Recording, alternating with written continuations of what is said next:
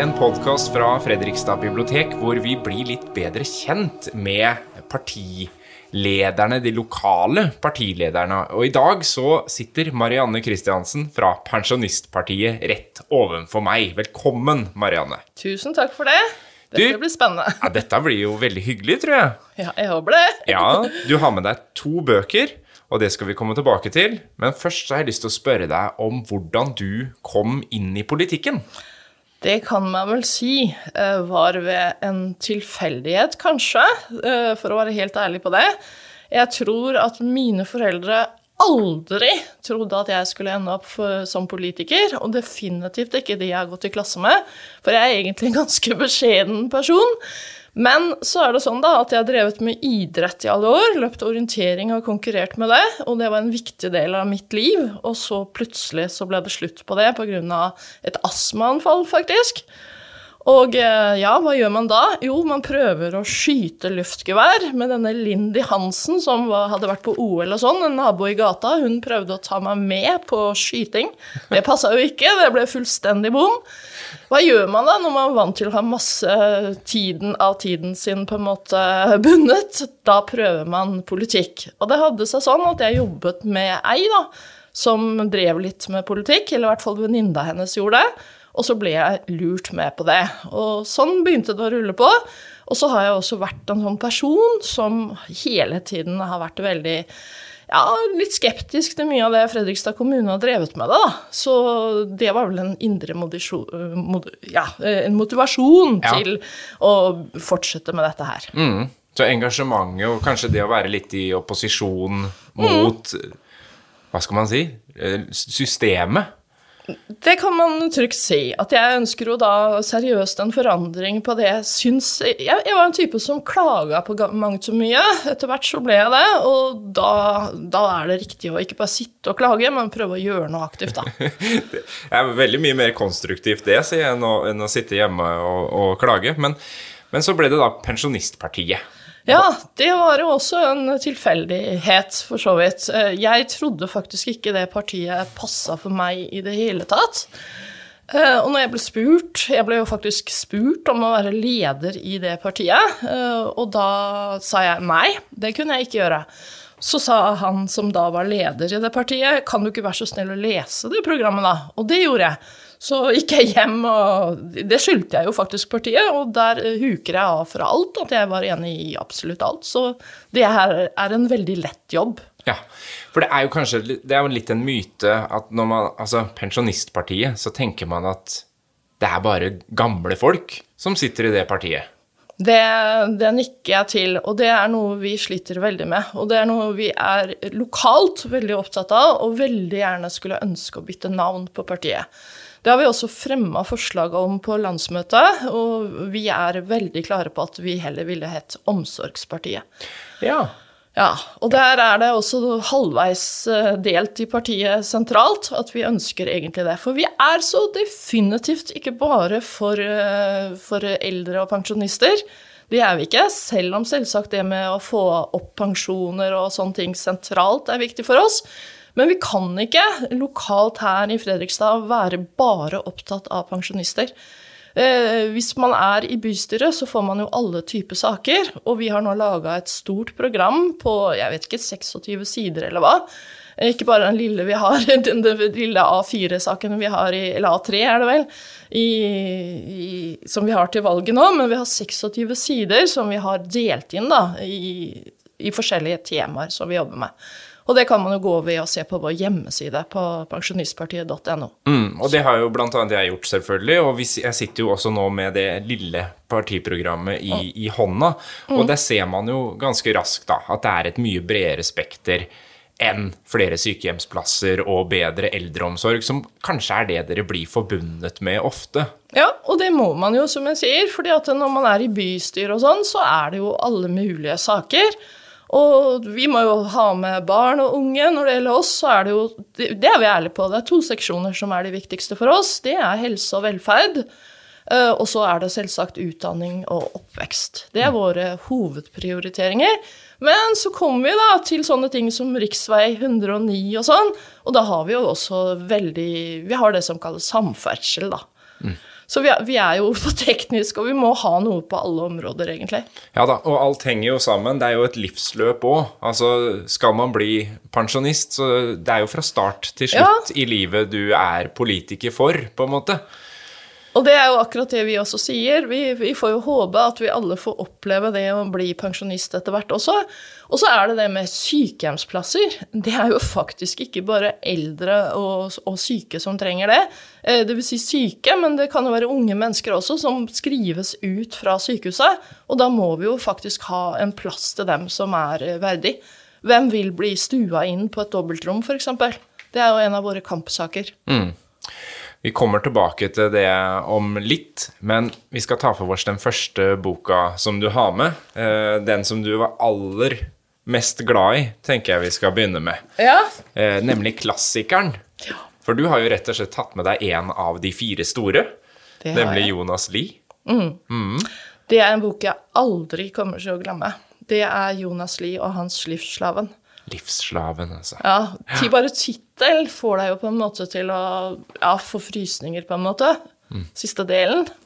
Slave for livet. Ja. Ja, for ta oss med liksom, inn i boka. Hva, hva handler det om? Det handler egentlig om et barn, lille Nikolai, som vi vet er dømt til å få et liv i elendighet allerede før han er født.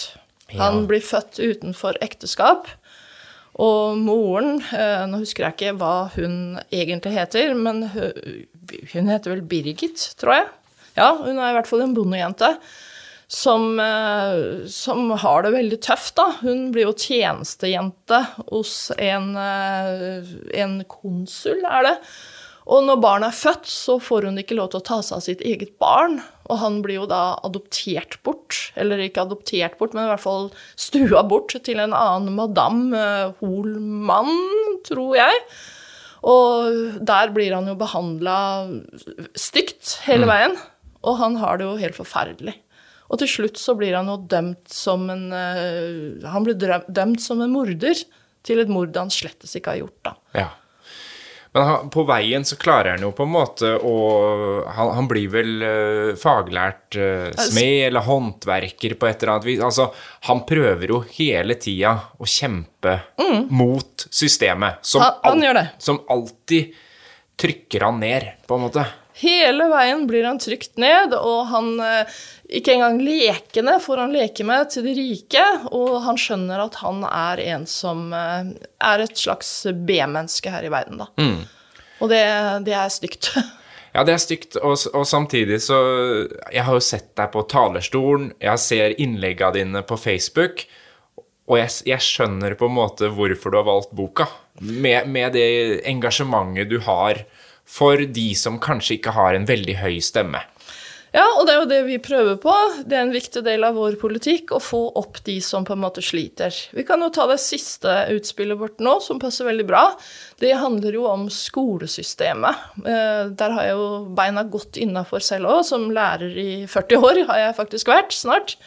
Og da er det sånn at uh, det er jo en del elever som sliter. De vil aldri, sånn som vi tenker det, komme inn i det ordinære skolesystemet. Og da har jo nå vi et forslag som vi har sendt til bystyret, da, om at det skal bli en praktisk ungdomsskoleklasse på alle ungdomsskolene våre. Det tror vi kan gjøre løpet lettere, for vi tror ikke alle ungdommer er teoretiske. Og så er vi også viktig at de skal få lov til å ha en viss valgfrihet. Eh, Med f.eks. sånn tilbud som eh, Vang Ung, hvis de er idrettslige, og at det kan gjøre det lettere for dem. da. For det med utdanning, eh, det er jo ufattelig viktig for å komme seg videre i livet. Ja, og jeg, jeg tenkte, jeg har ikke lest Livsslaven, da, men jeg har lest Gift av Alexander Kielland, som ble skrevet på samme tida.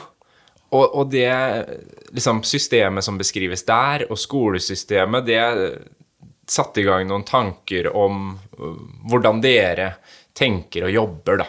Ja, absolutt. Jeg har også selv lest den. Når jeg var 18 år, så skrev jeg jo faktisk en særoppgave. Nei, se her, ja. Som handler om realisme. Og det er jo kanskje også meg, litt meg som eh, personlig, da. At jeg er veldig opptatt av det realistiske, egentlig. Jeg tror jeg er en person som har beina veldig på bakken. Eh, Bjørnson, ikke sant. Jeg skrev om Kielland, Garman og Vorse den gangen. Og så var det Jonas Lie, Livslaven, da. Mm, og Ibsen med dukke. Ja, så det er jo tydelig at realisme og problemer under debatt, det har jo ligget under deg selv den tiden da jeg bare var opptatt av idrett og leste idrettssidene. Ja, ikke sant? Så Ja, det så- var Det lå kanskje Det lå noe latent, men jeg er sånn at på en måte Jeg har ikke tid til å drive med mer enn én ting av gangen, på en måte, og da prøver jeg å gjøre det 100 det jeg driver med, da. For Åssen er det å være politiker i Fredrikstad? Du er jo for et mindre parti. Er det litt ensomt? Nei, det opplever jeg ikke. fordi at eh, mindre Vi er en gjeng eh, i partiet vårt som er eh, Vi er ikke så mange, men vi er aktive, de som på en måte er medlemmer. Og vi har veldig godt samhold. Vi ringer nesten til hverandre daglig med forskjellige saker og ting. Vi som er i styret, vi sju Nei, vi er ni som er i styret, ja. Og vi har mye med. Og så har vi jo også gruppemøter eh, som vi har hele tiden, så vi har jo kontakt med de andre òg. Og vet du hva jeg vil ha fram med det intervjuet her? Jeg syns egentlig det er et ganske godt miljø også på de, mot de andre partiene. Det har jeg opplevd, og det syns jeg er veldig bra. Altså Stemninga i Fredrikstad-politikken politikerne imellom er Det er en god tone? Jeg vil påstå det, og særlig hvis du har det litt tøft, på en måte. Da, da er de der. Der har eh, Jeg mistet jo faren min faktisk nesten idet jeg ble gruppeleder i denne perioden her. Var kjempelangt nede, og da var det flere av disse politikerne på den andre siden òg som satt inne hos meg på kontoret og backa meg til å fortsette å stå på. Mm. Det er jo fantastisk. Så vi bryr oss om hverandre, selv om ikke det kan på en måte virke sånn, da. Det er en bra ting. Jeg har jo snakka med flere nå i forbindelse med bok og politikk, da, og jeg ser jo at det, er jo et brennende engasjement for at man ønsker det beste for Fredrikstad, øh, og at man i den sammenheng kanskje også tar litt vare på de andre politikerne, da. Det er jo ganske tette samarbeidslinjer selv på de ytre fløyene. Akkurat der kunne jeg godt ønske meg et bedre samarbeid når det gjelder det politiske. Det, det vil jeg føle. For, for, å ta oss, da. Vi er jo et blokkuavhengig parti. Hvis man går inn på vår side, så slår det mot deg blokkuavhengig. Ja, hva betyr det? Og det betyr at vi er det eneste partiet i bystyret i denne perioden som ikke har hatt noen bindende kontrakt med noen av blokkene. Ok. Det tror jeg ikke folk helt er klar over. Så dere er verken blå eller rød Nei. eller grønne? Nei, vi er på en måte ikke det. Vi, vi er på en måte Altså, naturlig for oss er det å samarbeide med de som vil ha bygge sykehjemsplasser. Vi er jo mot bomringer. Vi har jo våre greier. Og da på en måte blir det samarbeidet naturlig der. Men når det kommer til mudring, ja, da er det ikke snakk om å støtte de blå på, på den. Fordi vi vil ha mudre på land. Og da, da er det viktig at vi, vi det, det kunne jeg godt tenke meg at vi var flinkere til, altså, egentlig. Men hvordan, da, hvordan er liksom ambisjonene for å både beholde og komme i større posisjon da, når man ikke helt har flere å spille på? Ja, skjønte jeg spørsmålet ditt egentlig nå, Trå? Vi, vi må jo bare jobbe for å spre ut budskapet vårt, og så rett og slett eh, Ja, det er det vi prøver å gjøre, da. Og Ja. så eh, prøver vi også å si til folk eh, at vi samarbeider på begge sider, og vi prøver også ikke minst si, snakke med gruppelederne om det. Hallo, husk på oss også i det. Og det sa jeg vel kanskje på siste innlegget mitt i bystyret også, at hallo, her kunne vi samarbeida bedre. Eh, Det, det mener jeg. Ja, spørsmålet var vel egentlig, hvis du måtte velge, da, å inngå en allianse for å sikre eh, Pensjonistpartiet makt videre. Men, men for oss Hvor hadde vi endt hen da? vi, hvis, vi er veldig nøye på én ting, og det, er at, og det er jeg så stolt av. I denne fireårsperioden her så har vi faktisk ikke brutt ett, og jeg mener ett eneste løfte. Og det er det, det vi står for i denne perioden også. Vi skal ikke bryte ett eneste løfte. Og da kan vi ikke faktisk eh, love noen et helt klart samarbeid. Det, det, det er det ikke- viktigste. Å holde løftene våre. Ja, Så dere går ikke på kompromiss eller går vi- halvveis? Vi gjør ikke det. Selv om eh, det skulle bety at jeg fikk en utvalgslederstilling, så er det ikke snakk om altså, at vi, vi gjør det. Vi kan ikke stå på stand og se og love velgerne våre noe vi ikke har tenkt å holde. Vi går inn på kampsakene, Marianne. Ja, Eh, det For du, du snakka jo Altså, du er realist innenfor litteraturen, men så vil du da ikke ha mer eh, bompenger. Eiendomsskatten skal bort. Skal ned. Ja, skal ned, ja. Strømprisene må ned. eh, Øke bostøtte. Det er jo en del ting her som koster en del penger. Så hvor er realismen i hvor vi skal hente disse pengene i en veldig fattig kommune, snakker jo alle om. At Fredrikstad er, det er, det er fattig. Det vil jeg gjerne snakke om. Ja. Jeg vil det, faktisk. Fordi at jeg er jo ganske klar på det. Når det gjelder bompenger, så det, står det i vårt partiprogram at staten skal ha det. Eh, dessverre så er jo ikke vi på Stortinget. Eh, og så kommer vi til at dessverre, og det er sikkert mange som blir veldig sure på meg nå, da, vi har ikke råd til alt dette som eh, f.eks. de rød-grønne har råd til, da. Arena Fredrikstad, for å ta den. Vi har ikke råd til å si ja til x antall millioner på den, altså. Vi har ikke det. Så Vi har- sier nei til Arena Nei, vi sier ikke det. Vi sier at vi kan gi noe, en slags limit. Og den limiten, eh, tallfeste den akkurat, det vet jeg ikke. Men vi, vi kan ikke si at det gjør vi for enhver pris, altså. Men det er ikke 300 millioner. Det er jo et tall som har Ja, ja, versert. ja, men 300 millioner kan vi vel kanskje strekke oss til. Fordi vi har sagt ja, så la oss si det, da. 300 millioner. Men vi kan ikke gå noe mer enn det. Må vi legge opp til et privat-offentlig samarbeid. Og så har vi dette her med en ridehall til 55 millioner. Det kan vi ikke gjøre. Det snakkes om, jeg vet ikke hva, hva de mener med det, at vi skal ha en kunsthall. Nei, vi kan ikke ha råd til det. Eh, alle de utvalgene som de har oppnevnt underveis her nå, vi har sagt nei. Det blir jo millioner ut av sånt, da. Og så bygge en sånn ventebrygge borte i gamlebyen til 15 millioner. Vi har sagt nei til tårnet på Isekran, som bare løper på. Eh, ja, vi må gjøre sånn at ikke tårnet er farlig for folk, men vi kan altså ikke nå, i den situasjonen vi er. Vi, vi må spare veldig på de millionene. Til og med 100 000 har vi på en måte reagert på. Det er andre folks penger vi forvalter, og da blir det penger ut av sånt. Og så hadde vi jo et forslag veldig Og det, veldig, det har vi jo faktisk gjort, konkret. I, I forhold til det med folk som må brøyte og ha lys og sånn nå. Det var jo en sak i, i bystyret på det. I, I forslag til budsjett så hadde jo vi faktisk konkret eh, Nå har jeg ikke med akkurat tallene, det skulle jeg jo kanskje ha gjort, men vi la jo inn åtte millioner, var det vel, til å få ja, 23 millioner var det for å få, få vareavgifter ned for folk som sliter. Så vi hadde jo vi hadde konkrete forslag på det. 8 millioner var det som et fond til brøyting og lys til folk som har private veier. Så der var vi veldig konkrete i tallene. Og det har vi gjort. Det er ikke noe vi venter med til etter valget, da.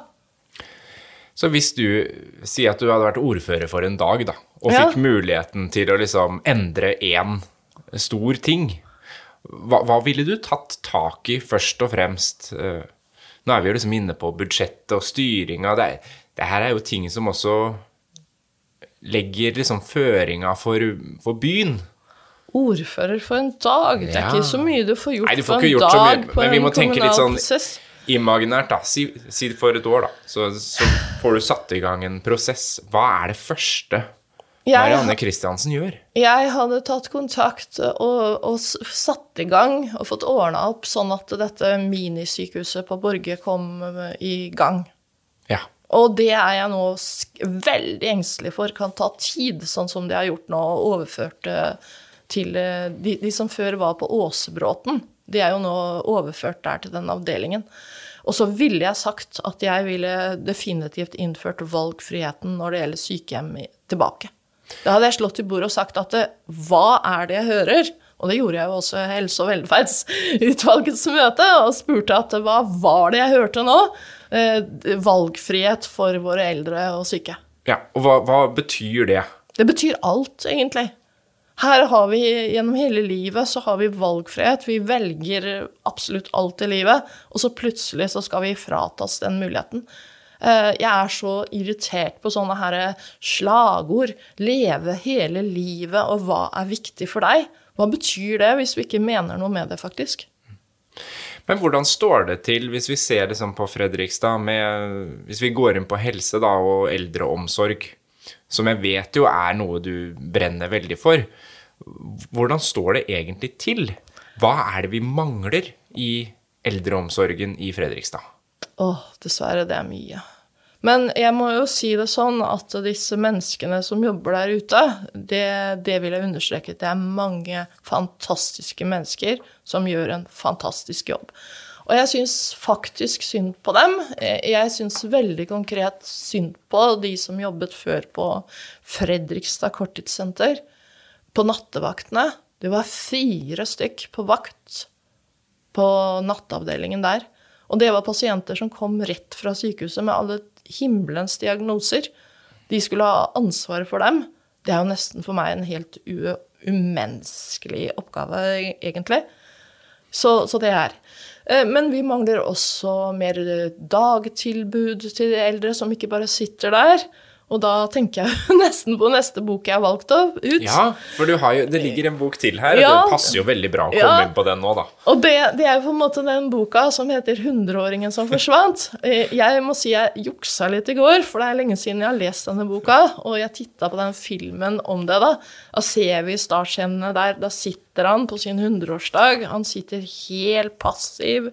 Han ser stakkarslig ut. Og der sitter han på dette sykehjemmet og så lager de kake til den, og Det gjør de jo riktignok. Det er kjempebra. Og det tror jeg også skjer. Men så, så, får vi jo et glimt i hans Det er jo et meget spesielt liv, da. Det er jo ikke helt typisk, for å si det sånn. Men allikevel Han har jo ikke noe, noe igjen av seg. Og det syns jeg er tungt. Mm. Men det er jo en ganske festlig bok. 'Hundreåringen som klatra ut av vinduet og, og si. forsvant' av um, Jonas Jonansson. Som var hans debutbok, faktisk. Ja, det visste jeg ikke. Nei, han, det er liksom første, første han skrev om da Allan Karlsson, som er 100 år, som du sier, og som klatrer ut av vinduet og rømmer, rett og slett. Og han rømmer jo fra denne boligen han er plassert i, ikke sant? Det skjer for lite. Og han har jo mer liv igjen å leve. Så han vil jo ut, han, i verden igjen. Ehm, men, men hvordan, hvordan, ville du sett for deg hvordan, hvordan er en god eldreomsorg? Det må jo være en eldreomsorg som du ser flere av. Det fins jo flere sånne hjem. Eh, jeg har sett dem i Tyskland også, faktisk. Jeg har til og med bodd på et sånt hotell som var et uh, sykehjem, viste det seg uh, å være. Og der var det jo daglige turer for dem, det skjedde ting. Det, det, er jo det som det skal være. Hvis man mener noe med altså, hva er viktig for deg, så er det jo ikke bare å bli sittende som en oppbevaring. Det må jo være flere tilbud. Og vi har også i programmet, om vi ikke har det i dette, det, er begrensa hva man får plass til her, i, i programmet sentralt så har vi jo at det bør være flere uh, pleiere på, på, på, på vakta. Fordi de, de, kan jo ikke jobbe seg i hjel. Det forventer jo ikke vi heller, så langt derfra. Uh, og så kan man jo ha andre typer enn bare sykepleiere også, som kommer inn og aktiviserer dem. Men det er jo noe kulturtilbud for, for, eldre. Det er jo noen som reiser rundt og gjør ting. Det er, ikke, det er ikke, helt dødt, liksom. Nei, og vi setter veldig pris på det tilbudet som er på Plusshuset. Det har vi jo også i programmet vårt at vi vil bevare. Det, det, det støtter vi alltid. 100% Men det er likevel ikke alle som får ta del i det, og det bekymrer oss. Mm. Hvis vi ser på hvordan byen eh, er i ferd med å bli Det bygges veldig mange spennende prosjekter. Men det er ganske dyrt å bo i Fredrikstad, i de nye, flotte bygga som kommer. Og det har jo vært snakka om er vi i ferd med å bli en pensjonistby. Og det må jo være helt perfekt for Pensjonistpartiet, eller? Nei, det er ikke helt perfekt, det, vet du. Fordi vi må ha noen yngre og litt liv her i byen òg, så i høyeste grad. Og det er et, noe som bekymrer oss veldig, at det blir sånn høye priser, og det blir bare Ja, nå er det Jeg er litt sånn Jeg er ikke helt enig med deg. Eldre har råd til å bo der, for eldre har faktisk, faktisk ikke så god økonomi. For pensjonene er jo tøffe, de. Veldig tøffe. De er under fattigdomsgrensa hvis man tenker på minstepensjonister. Ja, det vil dere også gjøre noe med. Ja, vi, det blir jo mer sentralpolitikk igjen, å få opp pensjonene. Men det er jo ikke ålreit at vi har en by som folk ikke har råd til å bo i, om det er barnefamilier eller hva det er, da. Det blir jo veldig Ja, det, det liker vi ikke. At vi skal få sånne snobbete Oslo-tilstander her. Ja, for det er egentlig det jeg sikter til. At det er jo Man ser kanskje en tendens til at uh, man selger dyre hus i Oslo, og så etablerer man seg i Fredrikstad som pensjonist, da, og lever godt i nærheten av sjø. og Det fins jo ikke noe flottere by å bo i, så jeg skjønner dem veldig godt, men det gjør jo noe med balansen i samfunnet her. Absolutt, og det er bekymringsverdig på flere måter, det. At vi kommer mennesker som, som ikke Ja, eh, vi vil jo få problemer med, med f.eks. plasser på legevakta. Vi er på en måte ikke rusta til all den oppbygningen heller, da. Men igjen, folk har jo ikke økonomi. Fredrikstad-folk har jo ikke økonomi til å bo der heller. Og jeg må jo si jeg ble sjokkert i et møte, jeg skal selvsagt ikke nevne navn på det, men jeg fikk jo beskjed om at det var helt vanlig å ha en bolig til 7-8 millioner. Mm. Da protesterte Pensjonistpartiet veldig altså, under det møtet og sa at eh, det er ikke vanlig. Det klarer ikke de fleste. Og derfor så ser vi jo veldig på løsninger Vi prøver å finne løsninger som er langt rimeligere. Og så er jo vi av den type da, at vi ønsker ikke alle skal bo i sentrum heller. Vi tenker Fredrikstad mer enn sentrum. Og vi syns de ungdommene som får f.eks. vokse opp ute på Nylende, i Torsnes, utafor byen, de er privilegerte. Mm. Og derfor så vil vi jo også bevare de skolene som er der, da. Ja, for det er jo helt sentralt da at, uh, at man bevarer skolene rundt omkring, og ikke minst at det er attraktivt å bo også utafor byen, da. Det er kjempeviktig, og det har vi i programmet her, at man skal ha en viss servicetilbud der man bor også, da. Og, slippe, og det er jo miljømessig også, at man slipper å kjøre inn til byen og ja, jeg tror det er litt sånn Bakkebygrenna-barn. Det er nesten sånn at man eh, tar tilbake til sin egen barndom. Det var jo veldig fint da jeg vokste opp på Rollsøy, og der hadde vi det jo helt fantastisk. Eh, vi gikk på skøyter på dammen der, og vi hadde skogen, og vi hadde det helt fantastisk. Og det unner vi på en måte våre ungdommer i dag òg, at ikke de bare skal bo i sånne blokkekolosser da, som det kan bli rundt omkring. Og så er det jo mange i Fredrikstad dessverre som lever under fattigdomsgrensa. Um, både barnefamilier og eldre òg, som du sier. Men, men, hvordan tenker dere å bekjempe de forskjellene som er i ferd med å bli større og større i Fredrikstad by? Ja, det er et vanskelig spørsmål, det du sier der, altså. Det, det, er jo også staten som må på en måte se litt på inntektene til Fredrikstad kommune. Der syns jeg egentlig ordføreren vår har gjort en veldig god jobb og prøvd å få dem til å se litt på det inntektssystemet der. Så der er vi full støtte til hennes arbeid der. Mm. Og når det kommer til innvandringspolitikk og integrering og sånn, er, er, hvordan er Pensjonistpartiet i forhold til å ta imot flere flyktninger, f.eks.? Eh, har dere noen tanker om det store samfunnet, på en måte? Det har vi absolutt. Eh, vi har, eh, vi har, det i programmet at vi ikke kan tillate noe særlig mer innvandring. Det har vi. Men så har vi jo kommet til en situasjon der ute i verden da, med denne situasjonen i Ukraina. Det er en situasjon som Norge brått kan bli en veldig nær del av. Uh, dette kan bli veldig alvorlig for hele verden. Og da, da, har vi sagt ja til å ta imot. Men ellers så har vi som tradisjonell tanke at det kan vi ikke. Og det er flere grunner til det. Uh, det er rett og slett at vi sliter med, med boliger. Vi sliter veldig med boliger. Vi sliter med arbeidsledighet. Nå er det jo Fredrikstad veldig Nå er vi litt utsatt igjen å få stillinger til folk. Vi klarer kanskje ikke mer fordi vi har så stramme budsjetter. Men vi er veldig opptatt av at vi skal jobbe med integrering. Og vi er veldig opptatt av en ting til, og det er at vi ikke skal ha et skille mellom dem og oss. Vi snakker om vi når vi først bor i Fredrikstad kommune. Det er en kjempeviktig sak for oss å få fram. Mm. Så da, integrering det er en kjempeviktig del. Kultur må vi også preke litt om, vet du. Ja. Vi sitter jo nå her i hovedbiblioteket, da, og spiller inn uh, denne podkasten. Og biblioteket er jo oppe nå til politisk vurdering, rett og slett. Uh, hva er Pensjonistpartiets visjon for framtidas bibliotek i Fredrikstad? Vi skal være her som vi er, i dette praktbygget her. Det har vi aldri vært i tvil om. Dette er et fantastisk bygg, og der skal vi være. Men vi også vet jo det at uh, vi trenger kanskje tilpasninger av noen slag for å modernisere, og det har vi også sagt ja til i det forslaget som var i bystyret, da.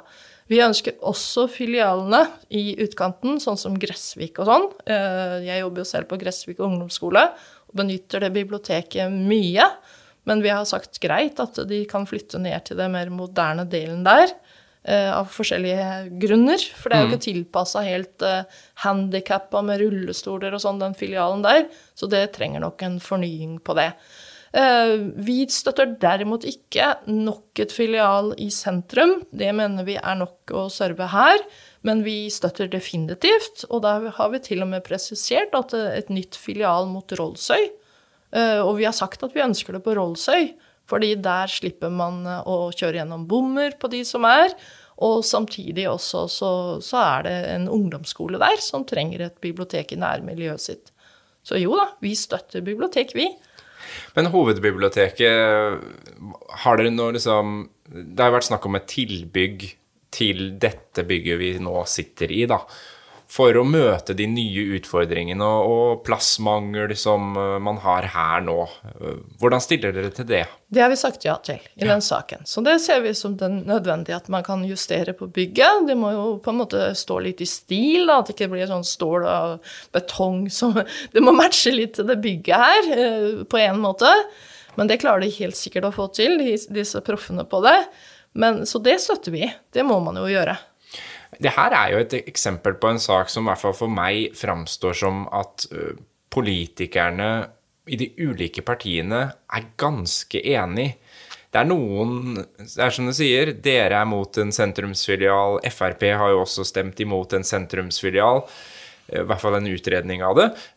Men sånn generelt så er man på en måte blitt enige om retninga å gå både økonomisk sett så ser man liksom at det er realistisk å tenke i samme retning, men også politisk.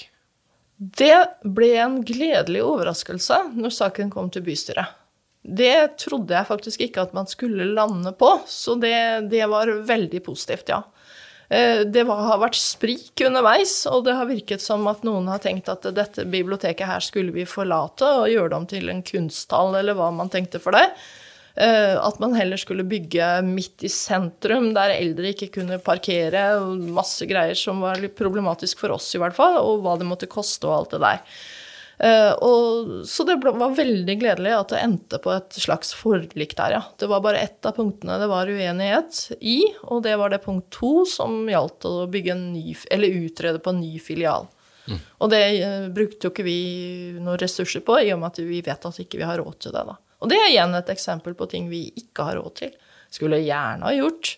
Og jeg har selv vært i fine byer med de sprekeste bibliotek i glass og betong, men vi er ikke der. Vi er ikke vi, Det sies at vi er en liten verdensby, men vi må kanskje være litt forsiktige med hva vi legger i det, tenker vi. Jeg vil bare holde litt på den bystyret Altså, hvordan, hvordan er stemninga i bystyret. Hvordan er det å sitte der og skulle liksom både fremme en sak, og man har forberedt seg Dere får jo bøttevis av papirer som dere skal gjennomgå, masse forskjellige saker, og noen ting, som du sier, samme, altså, er liksom folk enige om, og andre ting er man dypt uenige om. Ja, jeg kan i hvert fall forsikre folk som tror at politikere ikke jobber. Det gjør vi. Og nå har det blitt til og med sånn at vi får sakene Altså bystyret er jo på torsdager alltid. Vi får sakene nå fredag kveld, uh, før torsdagen. Og da er jo den helgen oppsatt, og det kan være opptil 5000 sider som man skal gjennom. Det er uh, vilt. Og det er helt vilt. Det er ganske Du kan nesten stille spørsmålet er det forsvarlig. Det gjorde faktisk vi med det bystyremøtet som var nå, med arealplan og alt som kommer. Så det er en kjempejobb. Og så må man jo da skrive forslag og sånn. Og det tyngste, det kan jeg i hvert fall røpe, det er hvis det er sånne høringer som man er uenig i. Da må man jammen meg sitte og skrive nesten en helt uh, ny høring. Og så vet man jo at man blir nedstemt, da. Det er en uh, tung jobb. Mm. For det er jo et poeng som politiker, og også for et lite parti, det er jo at man, man skal fremme stemmen til partiet. Altså det er viktig at det blir sagt, selv om det blir nedstemt. Og det er kjempeviktig, det du sier der. For vi vil jo markere vårt syn, eller så kan vi få det mot oss seinere. At ja, men dere stemte jo ja til, men det har vi da altså ikke gjort, da. Så det, det er viktig. Men det, man kan jo gjøre det så enkelt, og det, det, må jeg innrømme at noen ganger, noen veldig få ganger, hvis jeg er veldig sliten og sånn, så velger jeg bare å stemme nei istedenfor å lage en ny høring selv. Men i helse og velferd, da, som jeg også har sittet som medlem, da har jeg nok laget høringer selv i de fleste tilfellene det er tungt. ja, det er litt av en jobb. Jeg, jeg, berømmer jo alle som orker å være politiker. Fordi du får jo aller mest kjeft. Gjør du ikke det? Eller får du mye skryt? Jeg får jo sikkert mye kjeft i sånne kommentarfelter om at jeg er eh, tett i huet og ja, Det er kanskje ikke så ofte mer nå, da, for nå sensurerer de og tar det bort og sånn, men ja, gjør nok det. Men jeg har jo fått øh, blomster et par ganger også, med at jeg har gjort noe det, Altså, vi får jo ikke lov til å ta opp enkeltsaker, det får vi jo ikke. Men det går an å gjøre enkeltsaker om til uh, generelle saker, og da har jeg fått blomster ved et par anledninger. Og så fikk jeg en kjempekoselig telefon i forhold til den uh, saken med Årum, f.eks. Uh, og der var det veldig mange som var fornøyd med den innsatsen vi hadde gjort der, da, med utbyggingen som ikke vi ønsket der borte pga. grunnforhold og sånne ting. Så det hender at vi får uh, positive ting. Men også mye kjeft. Men det må du jo bare tåle når du er politiker, da. Det hører med til det, liksom. Ja, det, det gjør jo kanskje det, men det må jo være tungt å stå i stå i den stormen. For den kan jo være ganske voldsom, og har blitt mye mer voldsom etter at sosiale medier og ja. At det ble veldig mye enklere å bare kaste ut uh, sin mening. Det, det, kan jeg stå for, og si at jeg er enig. Absolutt. Mm. Jeg ser på, på nettsida så står det jo at drivstoffavgifter skal kraftig ned, eller fjernes. Og, så, og nå er jeg liksom inne på klima. Hvordan er klimapolitikken til Pensjonistpartiet? På den ene sida mudring opp på land, der er dere veldig på den grønne siden. Mm. Men drivstoffavgiftene skal ned, så det skal bli billigere å kjøre bil. Vi tror på at bilen har kommet for å bli. Og da mener vi at folk skal få kjøre. Og hvis du tenker deg bil Altså tenk lille Norge. Eh, tenk f.eks. land som Kina og sånne ting. Tenk på flytrafikken. Hva, hva det egentlig er det, vi, er, vi, er, på en måte der at vi, vi, tenker i hvert fall at bilen må bestå. Det, det er vi veldig tydelige på, altså. Men elbiler? Kan vi ikke heller subsidiere Ja, men det er jo ikke alle som har råd til en elbil, da. Det med innkjøp er jo den ganske dyr. Og så har det jo vært faktisk noen undersøkelser som jeg fulgte med i Tyskland. Eh, der er det jo faktisk ikke bare positivt med disse elbilbatteriene og elbiler heller, da. Men eh, det er klart at elbiler er bra, det. Men de, de kjører jo også på veiene våre. Så ja. Men, eh, men, vi er jo veldig for å, å gjenbruk, f.eks. Vi, vi har da mange bra ting som vi støtter MDG på, f.eks.